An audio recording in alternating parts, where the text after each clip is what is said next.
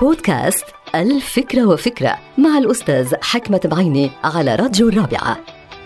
كثرة التأمل مثل كثرة اللهو ما بينتج عنا إلا ضياع أكيد للوقت وخسارة كبيرة للإنتاج والعمل. وهون أنا بقصد أنه من يتأمل كثيرا وبشكل دائم مثل اللي بيلعب كتير ويلهو كثيرا وبشكل دائم. أنا بعرف شخص أمضى معظم أوقاته باللهو. كان يلعب إلى حد جعل من حياته حياة مليئة بالفشل الدائم واليأس الدائم والاكتئاب.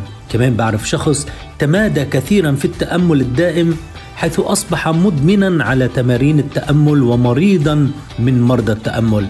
وأثبتت التجارب العلمية والعملية أنه كل شيء زاد عن حده نقص من قدره وكل شيء تمادى بتطرفه وسرعته أصبح خطر على صاحبه. لذلك فإنه من الحكمة بمكان أن ندعو إلى الاعتدال في التأمل حتى ولو مارسنا عملية التأمل على يد أمهر المدربين في التأمل التأمل التخيلي أو التنفسي في عدد كبير من أنواع التأمل.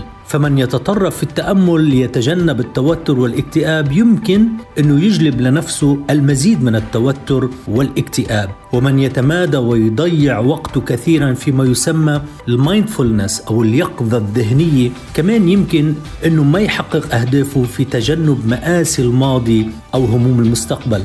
احذروا التطرف في التأمل لأنه عوارضه كثيره ومخاطره أكثر ولأنه بيشبه في هالحالة التطرف في اللهو واللعب. أي مضيعة للوقت. انتهت الفكرة. هذه الحلقة مقتبسة من كتاب الفكرة وفكرة.